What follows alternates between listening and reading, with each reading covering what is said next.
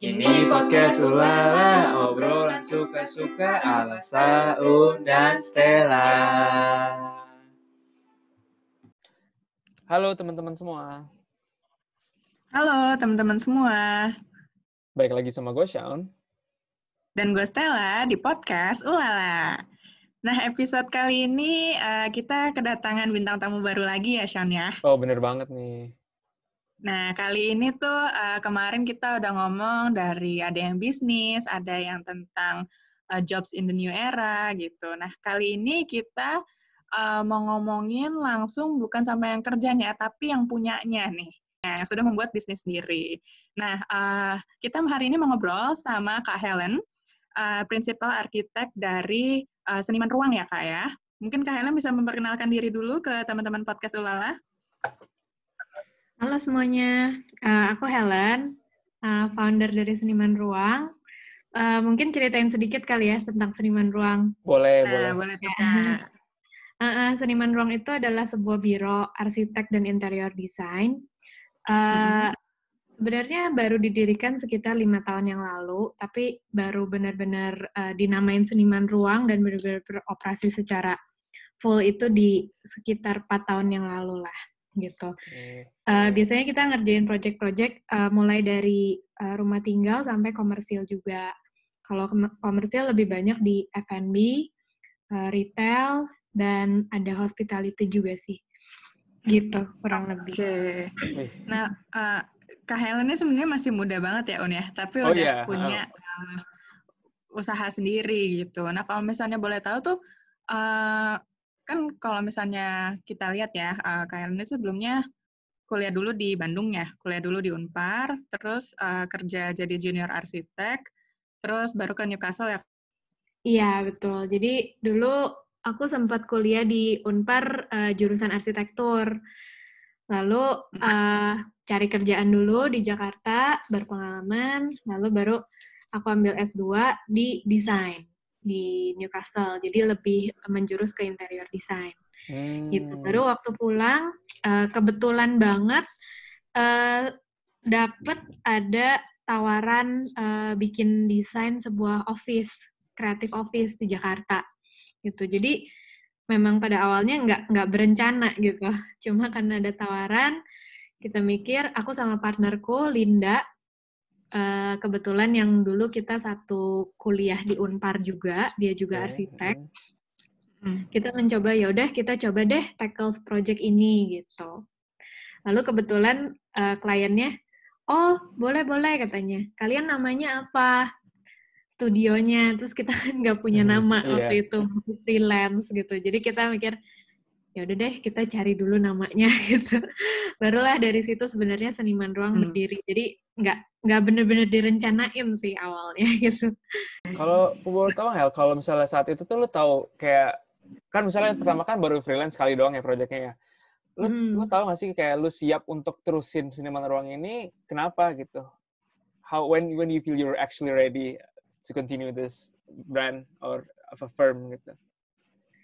Iya, sebenarnya sih uh, awalnya kan datang dari opportunity ya waktu mm. itu gitu. Dan uh, aku juga waktu pulang ke Indonesia dari Newcastle itu belum ada pekerjaan juga gitu kan. Uh, terus sebenarnya kalau ditanya kenapa sih dilanjutin gitu, kenapa jadi sustain gitu, mungkin uh, bukan proses yang mudah sebetulnya ya. Uh, pasti banyak ups and down lah, apalagi baru pertama kali bikin bisnis yang we don't even know gitu, kayak resikonya tuh sebesar apa gitu, apa hmm. aja yang harus kita kerjain. Hmm. Jadi masih benar-benar blank banget. Yang kita tahu tuh cuma gimana cara mendesain gitu. Tapi ternyata oh banyak juga ya kita harus tahu tentang managing, kita harus tahu tentang marketing, kita harus tahu tentang finance, hmm. akuntansi gitu. Dan itu sebenarnya hal yang baru buat kita berdua gitu. Cuma uh, kita mikir mungkin karena passion ya, alasannya hmm. yang bisa keep ongoing gitu, yang walaupun ternyata hal tantangannya tuh banyak banget gitu, apalagi sebagai desainer muda yang baru lulus gitu ya orang kan sulit sekali memberikan kepercayaan kepada kita gitu. Ya, betul. Klien tuh, uh, uh, klien tuh sulit sekali gitu. Jadi mana portfolionya? Pasti ditanya dong gitu kan. Portfolionya belum banyak juga gitu.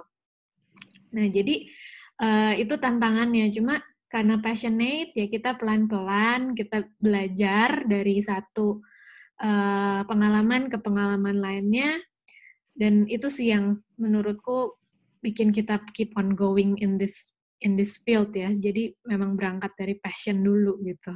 Hmm, berarti bener ya. Kayak kemarin kita juga sempat ngomong kayak semua harus berawal dari hati, nggak sih, Nah? Iya, betul. Oh, kalau mau bikin bisnis emang harus yang disukain ya. Kalau enggak hmm. pasti rasanya berat juga hmm. gitu. Iya, nah, terus betul. mulai mulai dari dua orang founder sampai sekarang jadi punya berapa karyawan ya, Kak? 8 ada nggak, Kak? Sekarang kita di kantor ada 10 orang. 10 gitu. orang. Bareng, itu bareng kita berdua. Gimana prosesnya tuh Kak dari dari mulai apa ya maksudnya kayak mulai pertama kayak ngerasa oh ini projectnya kayaknya mulai overload nih hire hire gitu itu itu boleh diceritain nggak gimana prosesnya? Iya, jadi uh, sebenarnya awalnya tuh kita nggak langsung berdelapan ya pastinya. Yeah. Kita pertama nge-hire satu orang dulu gitu ya itu pun kita deg-degan banget rasanya nge-hire satu orang tuh kayak waduh ini kayak orang uh, uh, employee kita satu-satunya kita sayang-sayang banget gitu. awal-awalnya. Cuma uh, kita mulai nambah orang nambah orang ketika proyek udah mulai banyak gitu. Dan uh, kita juga ada admin satu orang di kantor gitu. Dia yang mengurus uh, purchasing terus uh, PKS PKS itu perjanjian kerjasama. Itu kan kita perlu juga gitu. Dia yeah. juga yang hmm. membantu hmm. mengurus um, uh, buku pembukuan gitu. Jadi uh, ya ceritanya gimana ya men, mungkin dari bertahap ya, nggak bisa langsung instan yang kayak oke okay, langsung hire delapan aja, langsung cari project sebanyak-banyaknya kayaknya nggak bisa gitu. Jadi memang awalnya pasti membangun nama dulu sih. Mm-hmm. Kita memberikan mm-hmm. yang terbaik dulu ke klien, sampai klien itu uh, bisa mouth to mouth memberikan referensi seniman ruang ke orang lain lagi gitu. Mm. Jadi usahakan kayak setiap project yang kita dapat itu kita berikan yang terbaik, baik itu secara desain dan secara service gitu. Gitu. Jadi nggak cuma desainnya bagus, tapi servisnya pun harus bagus gitu gimana kita menghandle kritik, gimana kita menghandle komen dari klien ataupun uh, kontraktor gitu. Mm-hmm. Gitu. Jadi uh, needs both of them ya. Pelan-pelan. Nah, aku penasaran dari yang uh, timnya Kak Helen sekarang itu uh, semuanya itu lahirnya di generasi milenial gitu atau apakah ada yang lebih tua dari kakak? Uh, untuk sekarang sih semuanya mungkin belum ada yang lebih tua ya. uh, tapi nggak cuma milenial sih, generasi Z juga ada gitu. Oh, yang lebih muda lagi bahkan ada. Lebih muda lagi. Ada. Iya. gitu. Jadi uh, ya mixing sih, cowok-cewek uh, ada dua-duanya gitu. Kalau itu kan kita tuh sering denger ya, misalnya oh generasi milenial, generasi sekarang ini tuh ke sana tuh males, terus kayak privilege banget, maunya instan kalau lu sebagai apa ya orang yang udah ngelit mereka gitu, lu berasa nggak sih stereotip ini bener atau emang kayak enggak ah sebenarnya nggak kayak gitu kok tergantung orangnya aja? Hmm, uh, sebenarnya sih kalau aku lihat setiap orang berbeda-beda sih gitu. Semuanya punya kelebihan dan punya kekurangan. Mungkin kenapa uh, stereotip uh, millennials itu pengen serba instan, mungkin karena informasi kan sekarang serba cepet ya, mm-hmm. gitu. Dan hmm. lalu uh, mungkin banyak juga kayak uh, kayak star-star entrepreneur gitu yang sekarang tuh lumayan banyak di media-media gitu kayak Steve Jobs gitu, terus ada uh, Tesla gitu dan yeah, lain-lain. Uh. Jadi uh, uh, jadi mungkin banyak uh, millennials itu oke okay, pengen uh, bikin company karena pengen jadi entrepreneur gitu atau pengen cepet nih gitu dapat uangnya dan sebagainya gitu ya mungkin ada yang seperti itu gitu uh, tapi I don't think it's something yang uh, bad gitu ya mungkin itu pun bisa menjadi sebuah uh, apa ya motivasi lah kita bilangnya hmm. gitu motivasi hmm. untuk belajar dengan cepat gitu, untuk mendapatkan sesuatu yang cepat. Tapi tidak ada yang instan kalau aku rasa gitu. Karena aku ngerasain juga sih dulu pas awal-awal tuh, aduh pengen ya bisa gini, bisa gitu gitu. Tapi ternyata pas nyemplung langsung gitu di seniman ruang, hmm. wah kayaknya aku tuh belum tahu banyak gitu dibandingin orang-orang lain gitu. Aku ngerasa kayak aku nggak tahu apa-apa gitu loh. Jadi kayak ngerasa proses itu penting banget gitu. Jam terbang hmm. itu penting banget dan there are so much to learn for me gitu. Even as a as, as a founder of Seniman Ruang gitu. Yeah. I I don't think I know everything juga gitu. Jadi setelah nyemplung langsung tuh baru ngerasain kayak oh ternyata gue harus belajar nih soal finance gitu yang gue nggak pernah sentuh sebelumnya gitu. Gue harus belajar gimana cara marketing gitu karena uh, kita bisa desain tapi kita juga harus bisa menjualnya kan. Iya betul sekali. Gitu. Gimana cara mengkomunikasikannya ke klien, bagaimana cara mm. nge-wrap itu dengan proper gitu di baik itu di sosial media gitu, baik itu di majalah gitu, gimana. Jadi uh, itu juga hal-hal yang ternyata aku harus pelajarin juga gitu. Jadi I believe there's nothing instant di hmm. dunia ini kecuali Indomie kali ya. Iya. gitu. Indomie aja yang mesti dimasak dulu. Iya. iya kita mesti dimasak dulu ya lima menit gitu. ya, I think, uh, I think uh, seperti itu sih gitu. Dan sebenarnya I quite enjoy loh uh, kerja sama millennials hmm. sebetulnya hmm. karena uh, drive itu yang tinggi gitu. Uh, cenderung kalau aku ngelihat ya so far uh, anak-anak millennials tuh seperti apa? Biasanya mereka mencari uh, pekerjaan itu nggak cuma dari paycheck gitu tapi hmm. dari meaning gitu. Apakah kerjaan ini meaningful nggak buat mereka? Dan mereka bisa berkembang nggak di di tempat kerja ini gitu secara personal and secara profesional gitu. Dan uh, ya itu gitu. Jadi menurut aku sih itu merupakan kelebihan dari generasi millennials ya gitu. Jadi uh, nggak cuma yang penting dibayar tinggi gitu, tapi yang penting tuh uh, dapat something gitu di tempat kerja itu dan I think it's good gitu. It's not something bad gitu dan I don't think it's a stereotype gitu. Dan balik lagi masing-masing ke orangnya juga gitu. Yeah. Karena mm. itu ada juga sih yang enggak gitu. Yeah. uh -uh tapi cenderung seperti itu gitu. Interesting okay. take juga lah ya, karena uh, bener, I think we, we both feel the same way ya. Kita kayak pengen kerja tuh ya meaningful gitu sih. Karena maksudnya uang bisa, sih. Mungkin bisa dicari gitu. Karena masih cenderung muda juga kali ya. Jadi maksudnya kayak kalau misalnya uh, sekarang emang banyak-banyak belajar dulu sih, bener sih. Tapi tadi yang aku penasaran itu kan kelebihannya ya. Kalau tantangannya tuh ada nggak sih kak? Karena kan mungkin mereka mencari passion nih ya, lebih mencari passion. Mm -hmm. Apakah turnover-nya jadi lebih cepat atau gimana tuh? Iya, uh, tantangannya pasti ada juga, gitu.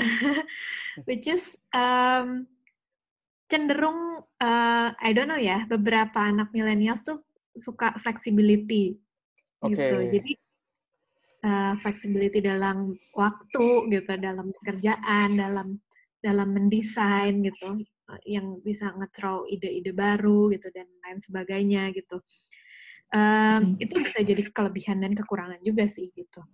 Uh, jadi uh, mungkin dari segi disiplin gitu, itu beberapa ada yang cenderung susah gitu. hmm. Tapi ya itu, uh, tapi juga sebenarnya flexibility itu juga bagus gitu. Uh, mereka juga cenderung orang-orang yang demokratis gitu. Jadi uh, mereka tuh pengen menyuarakan desain-desain mereka gitu, menyuarakan jadi feedback itu kita throw dua arah gitu, nggak cuma buat mereka, tapi dari mereka ke kita juga. Oh, gitu. Okay. Jadi, uh -uh, mungkin itu yang uh, menjadi penting di seniman ruang gitu. Kita punya sistem kepemimpinan yang cukup uh, demokratis gitu ya, dan cukup hmm. uh, apa ya, uh, kayak coaching style gitu intinya. Jadi nggak nggak bukan dari kayak atasan ke bawahan gitu, tapi hmm. ini tuh bersih hmm. dua arah gitu, antara yang kerja dengan yang founder gitu, dengan prinsipal gitu. Jadi uh, aku juga dapat banyak masukan dari anak-anak dari segi desain, dari segi uh, apa mentoring gitu itu dapat banyak masukan gitu dan kita pun memberikan feedback tiga bulan sekali kepada mereka gitu hmm. apa kekurangannya apa gitu jadi uh, mereka tuh dapat ongoing feedback dari kita sehingga mereka bisa berkembang berkembang dan berkembang lebih baik lagi gitu. Nextnya. Ya di situ sih. Jadi memang harus ada ongoing feedback ya kepada uh, para millennials gitu. Kalau ini hal cara lo nih kan misalnya kan kayak lo bilang tadi ya, mungkin ke klien juga sulit nih untuk marketing, lo punya produk, marketing lo punya desain kan. Kalau misalnya hmm. ke ke talent talent lo nih, yang kandidat-kandidat yang mau lo daftar, gimana sih cara lo attract mereka gitu? Kayak how how can you sell your company to them? Gitu. Uh, pada yang mau daftar kerja gitu ya. Iya, iya. Maksudnya kenapa kenapa nggak aku ke arsitek yang A gitu? Kenapa harus ke seniman ruang gitu? Hmm, oke. Okay. Um, sebenarnya sih yang bisa aku tawarin gitu ya, ketika orang mau masuk ke seniman ruang, itu mereka nggak cuma mengerjakan satu hal doang gitu, which is um, I don't know ya, mungkin di tempat lain uh, mungkin aja gitu kamu ngerjain ya udah cukup desain atau cukup gambar kerja aja gitu atau hmm. cukup rendering aja. Kalau di sini uh, aku tuh mencoba mengcoach mereka mulai dari ketemu klien sampai mendesain, mendevelop desainnya, membuat gambar kerja hmm. sampai supervisi di lapangan, ketemu vendor, ketemu hmm. kontraktor. Jadi aku libatkan mereka dalam segala proses gitu dari A sampai Z gitu. Dan itu sebenarnya merupakan experience yang kebanyakan tuh orang cari. Hmm. Uh -uh. Uh, terutama uh, buat fresh grad ya gitu. Fresh grad uh, kebanyakan itu carinya experience dulu gitu karena ya mereka pengen tahu dulu gimana di dunia kerja dan sebagainya gitu dan uh, beberapa uh, employees yang uh, tim kita yang uh, kasih feedback ke, ke kita sih mereka senangnya di situ gitu. Jadi mereka tuh nggak nggak bosen di satu hal doang, tapi dia oh pengetahuannya dapat banyak banget gitu dari mana-mana gitu, dari ngobrol sama vendor, dari ngobrol sama kliennya juga bahkan gitu. Tapi aku selalu coach gitu, jadi aku selalu temenin gitu. Jadi dia juga nggak langsung dilepas sendirian juga. Mm, mm, mm, mm. Mungkin yang bisa aku tawarkan tuh seperti itu gitu buat mereka gitu. Jadi memang yang aku harapkan pula dari mereka itu mereka bisa mandiri gitu. Ah, ya. Jadi uh, bisa kayak side by side sama aku untuk uh, ngerjain sebuah proyek gitu. Hmm, jadi memang harus memberikan value juga ya sebenarnya ya Un ya ke karyawannya itu sendiri ya. Bener bener jangan istilahnya kalau mungkin nih kalau gue jadi Helen misalnya mungkin uh, yang paling bisnis bisnis wise ya, ya paling gampang tuh kasih gambar kerja satu orang doang. Jadi satu orang tuh jago banget gambar kerja. Tapi intinya nggak se-ideal itu ya. Pasti kan orang pengen grow mm. juga and develop themselves kan. Gitu. Betul, ya, apalagi ya. masih muda-muda ya, anak-anak ya, muda pasti ya. Cepet, cepet bosen kalau kasih satu kerjaan doang. Bagus. Iya, betul. Sebenarnya tiap orang tuh ada kelebihan yang spesifik sih. Kayak di tim gue tuh ada yang jago banget gitu gambar kerja gitu. Ada juga yang jago hmm. banget di desain tapi begitu teknikal di lapangan nggak ngerti sama sekali ada juga yeah. gitu jadi hmm. memang beda-beda tapi uh, menurut gua gitu yang sebenarnya sih yang terbaik itu ketika lo punya skill yang uh, maksudnya tetap mengetahui dari sisi dari pihak-pihak lain which is kalau lo jago di desain lo tetap juga mesti belajar about technicality gitu karena ketika lo mendesain, tapi kalau lo nggak memikirkan technicality pembuatannya seperti apa di lapangan, hasil uh, desainnya ujung-ujungnya nggak akan bisa dibangun juga Betul. gitu. Hmm. Begitu pula yang gambar kerja, kalau lo nggak mengerti desainnya, gitu, lo bikin gambar kerja juga nggak akan nemu-nemu sama si desainernya gitu. Hmm. Jadi menurut aku sih mungkin keep in balance ya gitu uh, talent tersebut gitu. Jadi dan uh, mereka pun lebih kerjanya lebih beragam juga gitu. Jadi mereka juga nggak bosan gitu. Iya. Yeah. Di situ. Kalau yeah. itu satu lagi nih penasaran lagi nih kan oke okay, kan kita udah ngomongin how you attract them tapi kalau buat lu sendiri, what do you expect from them gitu. Misalnya gue nih mau daftar ke seniman ruang nih, apa sih yang lo cari dari gue gitu? Kayak ya ini cocok buat tim seniman ruang. Ya, um, apa yang kita cari yang pasti sih pertama mungkin yang paling penting ya responsibility sih gitu responsibility of course jadi lo nggak uh, nggak tinggalin kerjaan gitu aja gitu ketika lo nggak bisa atau butek gitu tapi lo mencoba terus responsible gitu sama project dan kliennya gitu. Hmm. pertama itu gitu. Um, kedua yang tadi mungkin ya mandiri itu gitu. Jadi uh, I I expect that I have a partner sebenarnya, not not nggak cuma kayak ya udah bawahan yang uh, disuruh-suruh gitu. Aku aku tuh nggak suka yang kayak gitu gitu. Yeah. Aku senang orang-orang yang yang bisa oh kasih ideas, kasih masukan, kasih kayak oh kayaknya ini lebih bagus di begini nih kayak gitu. Aku sebenarnya hmm. lumayan lumayan senang gitu dengar feedback feedback gitu. Jadi uh, I expect uh, something orang yang punya opini gitu dan bisa mandiri gitu dan yang ketiga I expect open mindedness dari hmm. tiap orang gitu. Karena tanpa itu uh, pertama teamwork lo nggak akan bagus gitu. Kedua juga uh, mungkin lo nggak uh, menyadari gitu banyak hal-hal yang sebenarnya kita belum pernah tahu gitu. Dan sebenarnya kalau kita explore ternyata itu tuh sangat-sangat baik gitu. Jadi mungkin itu sih tiga tiga itu sih mungkin ya yang yang kita expect. Rahasianya ya. ya. Kalian para pendengar yang mau daftar ini rahasia lo dibuka bukan nih gratis bisa denger nih kalau mau daftar seniman ruang. Yang ketemu ya, yang langsung ketemu di LinkedIn misalnya mau oh ini seniman ruang ini udah dapet tipsnya benar-benar dari ownernya loh. Persiapan wawancaranya. Ya mungkin satu lagi kali ya. Satu lagi tuh, uh, satu lagi. Satu lagi yang kita expect uh, of course uh, passion sih gitu hmm. Passionate hmm. gitu. Jadi uh, ya kalau misalkan uh, kalian memang nggak passion di situ gitu ya di arsitek atau di di uh, di interior gitu uh, maksudnya uh, mungkin kalian juga nggak akan bisa lama gitu di situ kalau nggak passionate gitu. Sebenarnya kasihan kaliannya juga kalau nggak passionate gitu akan menjadi beban gitu rasanya kerja kerjain semua halnya gitu mungkin itu aja kali ya yang terakhir kalau in terms of desainnya penting nggak Hel? kayak misalnya nih uh, contoh ya kan sama-sama kenal eh, Edo nih misalnya nih desain intannya mungkin agak beda sama lo gitu jadi portofolio hmm. tuh jauh beda banget sama seniman ruang yang lebih anak muda milenial. Kalau Edo kan mungkin agak orang tua ya gaya gaya desain dia ya lu, lu tetap lagi nih. Sorry ya, Dok. Uh, lu bakal tetap terima nggak Hel gitu? Atau emang kayak nggak apa-apa, nggak masalah kan mungkin karena klien lu malah bagus karena bisa memperbanyak jumlah klien lo gitu. Oke, okay. soal desain style ya. Dulu sih Edo sebenarnya portfolionya nggak nggak tipenya nggak begitu gitu. Uh, aku lupa sebenarnya portfolio Edo seperti apa. Cuma uh, sebenarnya yang aku nilai nggak cuma dari desain sih gitu.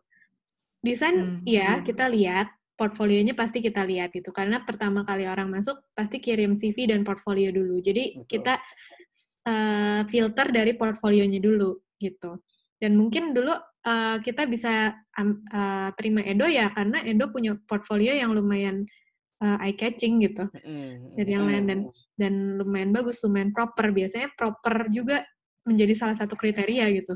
Karena yeah. kita lihat oh, orang ini sungguh-sungguh gitu ngerjainnya gitu. Nggak hmm. asal-asalan, bikin portfolionya juga nggak asal-asalan gitu. Nah, lalu kita interview dulu kan. Hmm.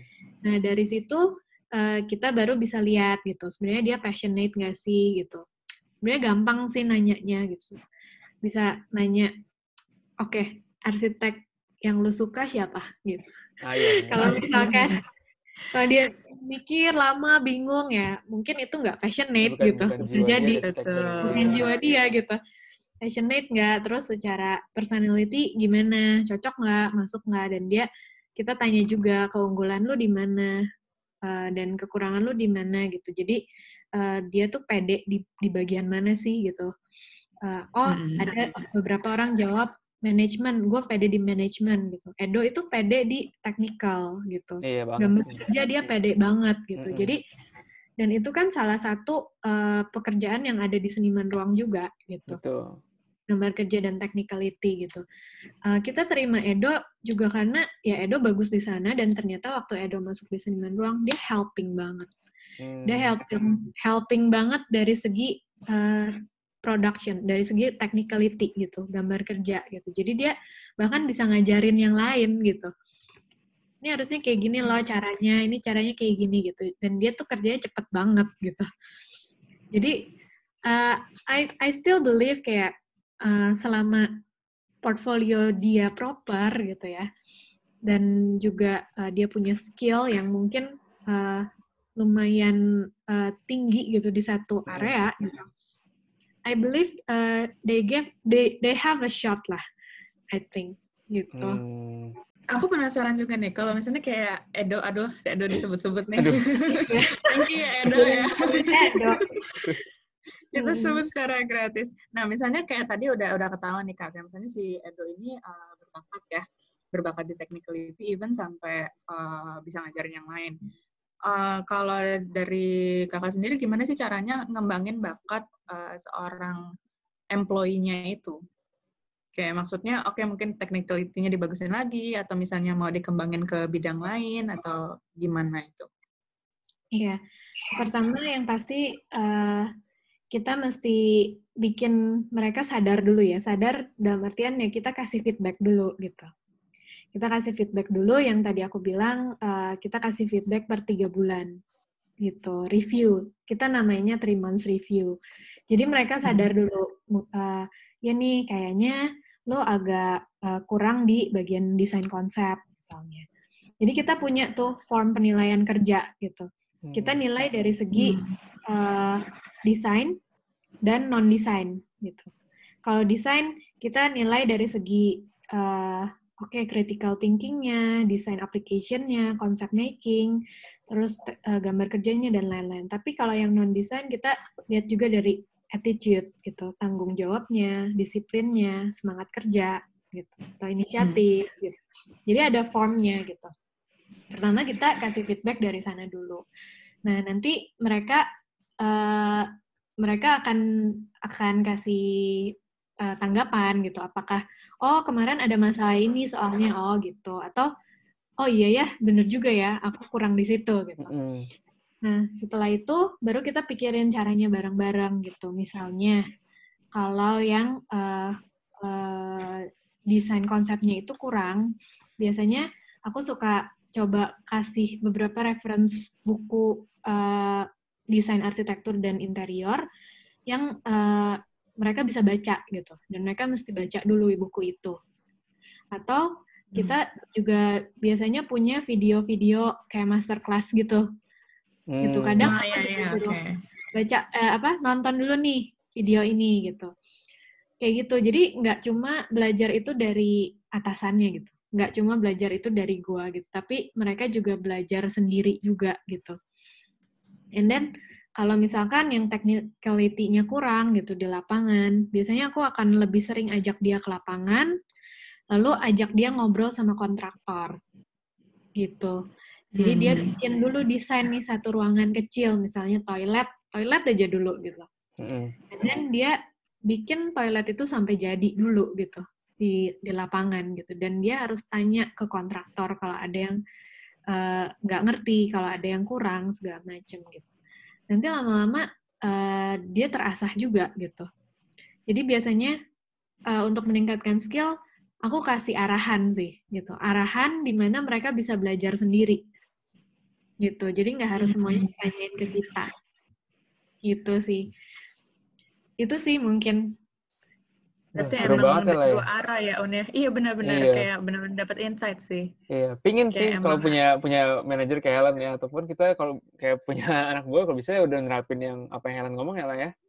Benar. Jadi kayak equality-nya itu sebenarnya dapat juga ya, Un ya. Dan di value banget sih kayak kayak bukan ya, masalah atasan bawahan aja bener, gitu. bener. Dan bukan uh, beras gue berasa lebih tahu, cuman kayak gue bener-bener peduli loh gua, untuk lu bisa berkembang gitu. Regardless kayak Mm-mm.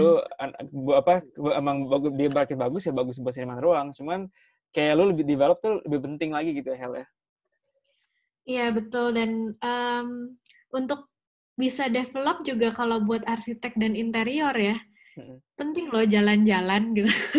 iya benar benar traveling tuh penting makanya kita setahun Iya. sekali suka adain eh, ja- eh, seniman ruang trip gitu. Hmm. Sayangnya ini lagi covid nih, cuma Ya, tahun lalu ya. kita eh, tahun lalu kita sempat eh, pergi ke Bali gitu. Eh, kadang juga kalau lagi pemasukannya tinggi gitu kita bisa luar negeri gitu tapi Hmm. Heeh, tapi nggak cuma harus keluar negeri gitu. Kadang yaudah kita trip ke project-project yang pernah kita bikin gitu.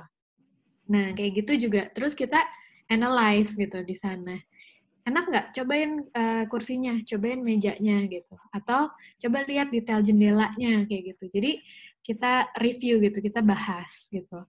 Nah itu juga menjadi sebuah alat pembelajaran buat kita semua gitu. Jadi kita mereview apa yang kita lihat gitu dan itu penting banget sih buat arsitek. Iya, Untuk jalan-jalan. Iya, bener inspirasi soalnya Sila ya Bener, makanya Orang ini namanya kreatif. Arki Travelas nih ya. iya Nama bener Instagramnya nih. Sebenarnya kenapa namanya Arki Travelas? Mungkin cerita dikit kali ya. oh boleh boleh boleh, boleh, boleh banget. Nah, sebenarnya nggak ada artinya sih, cuma eh, emang aku seneng hobi banget eh, sama traveling dari dulu Hmm. gitu. Dan eh, Instagram Arki Travelas itu dibikin sebenarnya awalnya karena eh, aku cuma pengen sekedar punya eh, folder buat nyimpen eh, inspirasi-inspirasi eh, dari arsitektur yang pernah aku lihat gitu. Jadi nanti kalau aku butek gitu desain, aku tinggal lihat Instagram aku gitu. Hmm. Terus cari Hmm. inspirasi dari sana. Sebenarnya awalnya tuh eh, tujuannya buat itu doang sih gitu. Jadi kayak semacam folder buat album ya, album Iya, gitu ya album Kak ya. inspirasi diri sendiri doang sebenarnya gitu. Jadi nggak ada maksud untuk dipublish or anything sebenarnya Iya. gitu. Tapi jujur gue sebagai follower enak eh, salah satu apa kayak profil paling bagus ya gue follow honestly karena yang lain Penikmatnya sih ya. Iya, Uh-uh, karena gue juga enak, suka- enak iya. dilihat gitu. Uh, so gue juga suka arsitektur kan, makanya kayak enak gitu, bagus liatnya. Kasih inspirasi juga gitu, walaupun cuma bikin beton-beton, tapi ya inspiratif juga. ya mungkin beberapa orang apa nih ngepost beton gitu beberapa komen orang kayak gitu beton doang, apa nih sih? cuma Kayak- serat kayu doang gitu Iya, nggak ngerti kayak betapa apa beda material tuh punya value sendiri tuh orang banyak nggak ngerti ya sayangnya. iya gitu sih emang sebenarnya itu buat konsumsi pribadi aja sih gitu, Hmm. Tapi Gitu. banyak loh kayak suka followersnya udah ribuan loh sekarang. ya amin ya Eh, ternyata ya kalau pada suka ya amin lah ya Iya. diaminin Mm-mm. Nah, tadi kebetulan banget eh, Kak Helen bahas tentang Arki ya, Eh, tentang inspirasi desain dan inspirasi dapat dari jalan-jalan lah gitu. Sebenarnya penasaran juga sih Kak, eh, sebagai apa ya perempuan di dunia desain itu ada tantangannya nggak sih? Soalnya kan maksudnya kerjanya benar-benar dari semua kalangan ya, kayak dari klien yang kasarnya yang punya uangnya, sampai ke tukang yang benar-benar realisasiin desain kita gitu. Itu tuh gimana Kak? Atau kalau misalnya buat apa ya karyawan perempuan juga itu ada peraturan khusus atau misalnya ada wejangan khusus atau gimana? Soalnya temen gue ada nih yang kayak dia kerjanya di desain interior, terus Hmm. dia dapat pelecehan secara verbal lah, gitu, secara tidak langsung. Kalau Kak. Helen sendiri pernah mengalami nggak atau misalnya anak-anak pernah ada yang laporan perihal itu kah? Eh, iya, eh, sebenarnya sih kalau dari kita, eh, kalau sampai pelecehan verbal sih, eh, untungnya sih nggak ada ya. Eh, cuma kita mengalami lah masa-masa kayak, eh, kayaknya tuh eh, orang tuh nggak percaya gitu, kontraktor terutama kayak gitu, Hmm. tukang. Jadi eh, eh, pernah sih kita dibilangin ya kamu masih muda katanya kamu belum tahu apa-apa katanya gitu jadi eh, itu eh, pernah kita diomongin kayak gitu sama kontraktor gitu terus Uh, itu pas awal-awal banget sih tapinya gitu. Untungnya sekarang sih belum ada lagi gitu ya. Yeah. ya semoga tidak ada lagi gitu.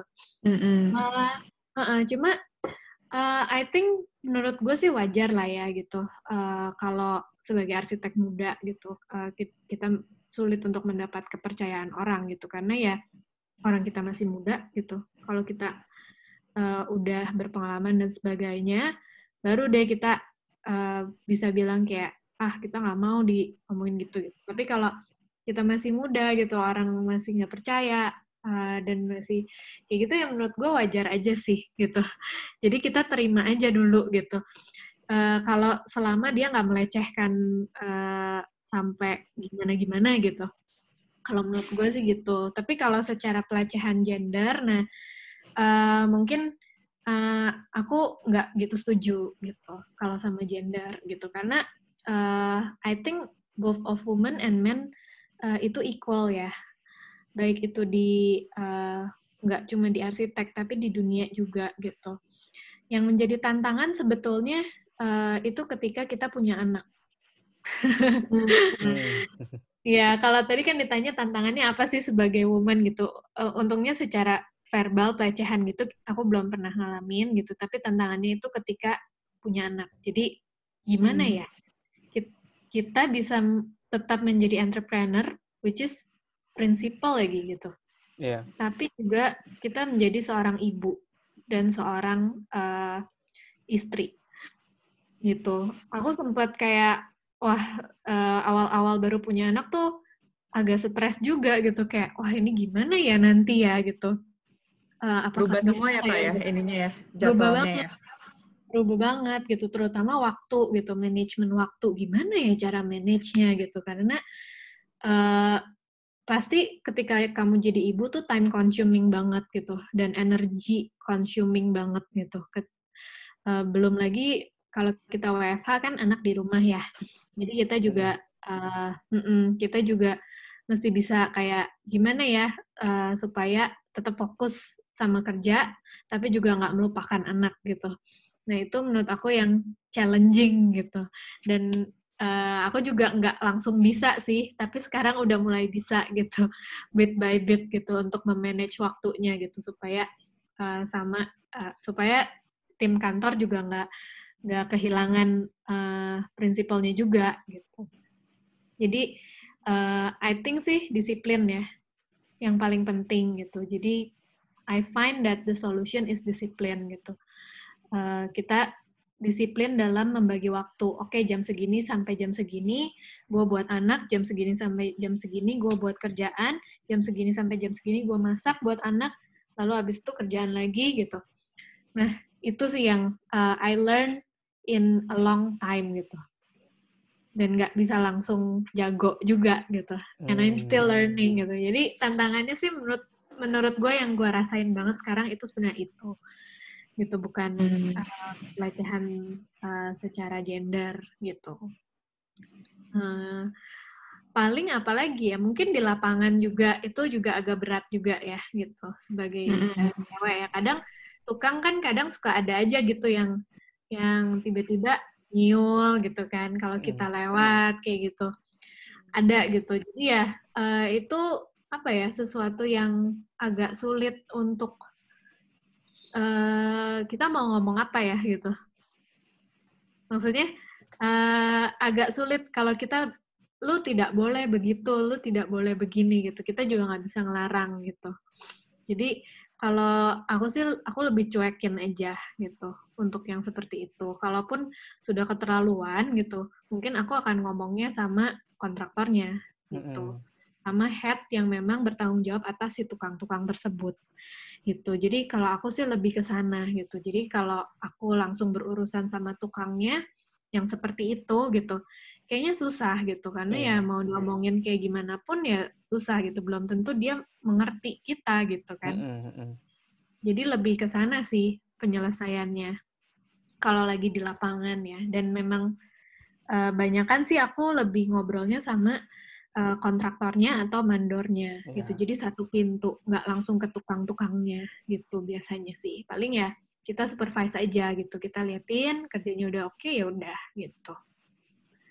Oke, okay. jadi memang memang masih ada ya Unya di lapangan ya di pastilah tuh. pastilah di mau di Indonesia di luar negeri juga pasti mungkin nggak separah iya. Indonesia cuman pasti juga problem masih ada lah ketara cuman ya tapi untuk Betul, kayak tapi untuk harus ya, berani sih ya. iya ya, tapi harus harus challenge ya. harus berani dan emang ya udah emang ya, harus mengerti gitu loh ini konteksnya seperti apa dan emang ada kok jalannya ya ke si kontraktor itu gitu mungkin tukangnya emang nggak mm -hmm. mampu gitu loh untuk berpikir se sejauh itu masalahnya open mindedness yang tadi yeah. Helen mention ya. Mm-hmm. itu sama benar sih tadi yang menjadi ibu itu memang uh, karena gue kebetulan kerja di komunitas ibu-ibu jadi ya memang mengerti sih ya tantangannya itu ibu tuh kayak aduh ngurusin rumah, ngurusin diri sendiri, ngurusin karyawan juga gitu kan ini karyawan juga kerjaannya harus di approve atau misalnya dikasih guidance kan kalau kitanya hilang terus juga bingung yeah. gitu ya. Betul, apalagi kalau menyusui ya, wah itu PR banget sih gitu uh, untuk membagi jam menyusui dan jam kerja gitu. Jadi uh, aku kebetulan menyusui juga tujuh bulan gitu. Jadi uh, ya selama tujuh bulan itu agak berat gitu. Tapi untungnya gitu aku punya partner gitu dan aku kebetulan selama melahirkan kemarin itu ada tim yang memang sudah lebih dari setahun semua kerjanya gitu. Jadi mereka udah lumayan bisa cope up gitu dan mengcover uh, pekerjaan-pekerjaan aku selama aku cuti gitu. Hmm. Jadi uh, itu sih I, I, apa ya? Aku sangat bersyukur lah gitu. Tanpa mereka tuh mungkin seniman ruang kalau cuma aku doang gitu di situ yang nggak akan bertahan gitu. Tapi karena ada tim, ada partner, that's why we we get stronger gitu. Jadi ada backup uh, backup uh, apa ya support. Ada backup sistem yang lumayan strong gitu. Jadi untungnya mm. di situ. Kayak dengan Helen jadi itu ya lah ya berasa apa ya dia tuh punya passion sama proud banget ya sama dia punya firm ya Helen ya betul betul kayak bangga dan sih. seneng gitu loh. Jadi dengar dengar ceritanya pun kayak aduh pingin ya punya something like that gitu loh Betul, kayak kayak baby yang kamu grow dan uh, orang-orangnya kamu grow di situ juga gitu. Iya. Yeah. Yeah, of course sih. Um, I I really love this uh, team ya karena mm. they are like my second family sih sekarang mm -hmm. gitu. Uh, I nurture them not as uh, an employee gitu, I nurture them as my team gitu. Jadi itu sih kalau ke orang pun aku nggak uh, suka gitu bilang anak buah atau bawahan gitu. I like hmm. to to, to say them uh, atau memanggil mereka tuh sebagai tim gitu. Oke, okay, mungkin kita udah ngomongin kayak a lot of good things ya um, hmm. about you know your company managing your team gitu. Cuman pernah gak sih ngerasain kayak uh, aduh ini orang tuh udah nggak bener banget kerjanya. Ini orang ini udah kayak I don't think he belongs in my team anymore. Pernah ngerasa hmm. gitu ya? Atau kayak, kalau misalnya akan terjadi seperti itu, apa yang akan lo lakuin? Gitu. Oke, okay. waduh. Sorry ya, okay. ini agak kontroversial. Iya, nggak apa-apa. I think semua orang pernah kali ya mengalami itu. Mungkin ya. Gitu. Karena nggak semua orang itu cocok dan eh, sesuai dengan ekspektasi kita gitu. Betul. Tergantung kayak batas kita sampai mana kan yeah. gitu. Uh -uh. Uh, pernah sih pernah. Ada gitu. Ada. Cuma kita pasti kasih uh, teguran dulu gitu. Teguran pertama kedua ketiga gitu. Sebenarnya salah tuh nggak apa-apa. Dan semua orang tuh pasti salah gitu. Mm. itu wajar gitu. Dan it's okay to make mistake gitu. Tapi kalau kesalahan itu diulang-ulang berkali-kali dan sama lagi gitu. Mm. dan udah ditegur berkali-kali juga gitu Nah, itu yang menurut aku agak sulit untuk dipertahankan juga gitu ya. Apalagi kalau kesalahannya lumayan fatal gitu. Betul. Merugikan company atau uh, yang merugikan klien atau kontraktor gitu uh, cukup fatal ya itu kita harus uh, berikan teguran yang lumayan keras kalau tetap uh, dia masih belum uh, oke okay juga ya kadang kita tegur di depan yang lain gitu itu okay. cara terakhir gitu jadi tegurnya juga nggak yang marah-marah gitu ya mm-hmm. tapi lebih ke arah uh, tegur baik-baik gitu ngomong baik-baik tapi ini nggak bisa kayak gini terus nah terakhirnya uh, kita kasih kamu tiga bulan lagi misalnya untuk perbaiki ya gitu. Kalau tiga bulan tersebut misalnya masih belum bisa juga gitu, ini ini dalam konteks sudah ditegur berkali-kali. Yeah. Mm. Kalau tiga bulan itu masih nggak bisa juga, ya I'm really sorry, we have to let you go, but we don't have any personal issue sama lo gitu. Kita nggak nggak ada kita kita fine fine aja sama lo tapi mungkin secara profesional kita belum bisa lanjut lagi gitu jadi hmm. kita tuh nggak nggak yang ngekat orang tiba-tiba gitu oke okay. Tapi hmm. kita ngekat dengan memang sudah ada perjanjian di awal dengan orang tersebut nih kalau tiga bulan lagi ini nggak diimprove dan nggak diperbaiki gitu kita terpaksa harus let you go gitu jadi kita pasti kasih pemberitahuan dulu gitu hmm. dan jadi ketika orangnya juga di let go ya dia juga udah sama-sama enak gitu sama kita gitu oh ya yeah. memang karena ini kan udah diperingatin gitu dan dan konsekuensinya kan memang di let go gitu mm-hmm. jadi mungkin gitu sih caranya ya gitu So. tapi untungnya sih uh, nggak uh, nggak banyak sih yang kayak gitu. Nggak sering lah ya. Gitu. Oh, cuma, cuma satu doang. Oh, ternyata cuma satu. ya, untung selama ini dalam empat tahun terakhir cuma ada satu gitu. Jadi kayak ya udah hmm. itu pun berat sih buat kita. Cuma ya uh, gimana gitu kalau yeah. uh, kalau merugikan company terus juga kan kita nggak bisa membiarkan itu gitu. Hmm. Gitu. Mm -mm. di satu sisi ya kita harus act as a CEO juga gitu. Eh, iya benar uh, banget. Kayak gitu kan. iya. harus kita melihat juga gitu terhadap company yang lain ke terhadap company baik nggak gitu dan fair nggak sama anak-anak yang lain iya, gitu. Iya, iya. Kalau mereka udah kasih effort Kalau sebesar itu, uh, uh, benar, benar banget. gitu. Waduh, lah, aku hari ini belajar Memang. sangat banyak sekali loh. Aku benar. Iya. Memang kerja itu cocok-cocokan juga sih ya, Un ya. Mungkin aja uh, talentnya nggak cocok di tempat kerjanya atau hmm. mungkin cara kerjanya ya. Jadi memang belajar banyak banget sih ya, Un ya soal iya. dunia ini so, ya. Soal manajemen, soal desain juga, soal how to work, and I think it's just so many things. Jadi bukannya apa ya? Iya kita invite talent buat kasih informasi ke pendengar, cuman buat gue Mas Tela ini udah kita udah at least dua orang udah banyak banget diajarin sih jadi thank you banget ya. Thank you iya, iya. banget. Iya. kalau ada mau tanya apa lagi boleh lo tanya aja mumpung nih. Satu pertanyaan terakhir kali ya On ya. Ya boleh. Kita tanyain ya. Kalau misalnya nih uh, apa ada yang lagi mendengar bisnis owner yang milenial juga ataupun mungkin nggak milenial gitu atau uh, employee milenial seperti kita ya Sean ya yang yeah, bekerja yeah. di perusahaan gitu. Ada yang mau uh, Kak Helen sampaikan nggak? Misalnya tips and trick dalam rekrutmen atau misalnya passion dalam bekerja atau apa pun itu? Hmm, paling ya again nggak ada yang instan. Jadi ya semuanya butuh jam terbang, semuanya butuh uh, kesabaran dan keterbukaan ya, open mindedness lah dari kita gitu.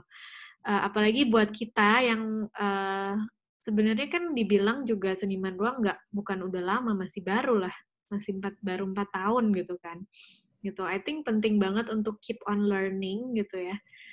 Jangan langsung kayak oke okay, kayak gue udah tahu segalanya nih empat tahun. Enggak gitu kayak masih banyak banget yang perlu gue pelajarin gitu jadi uh, bersabarlah, ikutilah jam terbangmu gitu. Lalu maybe it will get there someday gitu. Selama lu passionate dan mau terus untuk berjuang buat uh, apa yang lu lagi kerjakan gitu. I think sih mungkin itu sih ya. Uh, tips and trick. Yeah. sabar intinya ya teman-teman ya sabar dan jalanin aja prosesnya. Iya nah, kalau, betul. Iya, ini kalau mungkin kalau sekarang mungkin ini hal kita kasih platform buat lu promosi nih. Kalau misalnya mau kontak lu seniman ruang atau mungkin uh, seruang Yang baru ya. nih, seruang. Seruang nih. Ruang. iya. Nih? Oke, mungkin ada yang belum tahu seruang ya. Jadi seruang itu sebenarnya uh, kayak anak company-nya seniman ruang lah. Hmm. Jadi uh, dia tuh short package-nya dari seniman ruang, which is uh, kita menjual virtual uh, interior design gitu. Jadi uh, yang lebih affordable dan lebih accessible gitu buat orang-orang kayak uh, yang di rumah gitu pengen benerin kamarnya atau uh, ruang tamunya gitu dan uh, cuma di bawah 30 meter persegi gitu. Hmm. Nah, hmm. kalian bisa ambil paket seruang gitu karena uh, harganya jauh lebih affordable dari seniman ruang gitu. Tapi kita nggak include production, kita cuma kasih kalian desain, tapi juga ada shopping listnya gitu. Oh, Oke. Okay. Jadi, hmm, jadi kalian bisa membeli langsung gitu dari uh, shopping list yang kita udah kasih karena ada kontaknya juga, kontak vendornya juga di situ. Gitu. Mm. Nah, kalau mau kontak uh, aku boleh uh, ada email seniman ruang juga ada di info at senimanruang.com. Mungkin bisa follow Instagramnya juga, seniman ruang dan seruang.sr gitu. Kalau mau follow Instagram aku boleh ada di Arki Archie Travelas. Arki Travelas. ya itu. Oke, okay, teman-teman uh, ya sebagai gue kayak pasti kata aja buat teman-teman kayak Helen tuh desainnya gue suka banget sih. Kamu setuju nggak? Bagus banget dan uh, iya. foto-fotonya itu aduh bener-bener deh di fitnya itu hmm. bikin mata adem gitu loh. Kayak begitu ngeliatnya aja tuh, ih adem banget Iya, gitu. dan kayak desain-desain si Marwang juga menurut gue nggak, apa ya, bener bagus banget gitu. Konseptually kayak, wah gila banget sih. Thank you, thank you. Kalau menurut gue anak-anak milenial kayaknya suka sih Un, karena simple yet meaningful. Iya, dan project-projectnya juga yang gue lihat F&B F&B yang makanan-makanan kekinian-kekinian gitu ya lah ya. Jadi kalian kalau yang punya bisnis F&B, kayak mau bikin apa toko sendiri, silahkan kontak Siman Ruang. Paling mantap dah. Bisa langsung kontak Helen tadi ya, yeah. di email tadi. Mm. Thank, you banget Kak Helen buat waktunya udah yeah. mau uh, meluangkan buat kita ditanya-tanyain, dikepo-kepoin ya udah. iya. Ya walaupun udah sibuk banget tapi dikasih waktu sebaik ini buat kita. Thank you banget Helen. Iya, sama-sama. Thank you juga buat kalian semua. Take care ya semuanya. Oke, kita wrap up aja lah ya. Yes, kita wrap up. Uh, thank you teman-teman yang udah dengerin. Uh, again, uh, semoga suka sama episode ini ya, dan juga episode-episode kita yang lain. Kalau mau dengerin podcast Ulala, oh ya podcast Ulala juga udah punya Instagram sendiri. Bisa kamu uh, follow ya di @podcastulala. Uh, thank you banget. Stay safe. Um, that's it from us, yeah, Sean, from yeah. now. Yeah. Thank you everyone for listening and see you in the next episode. Thank you. Bye.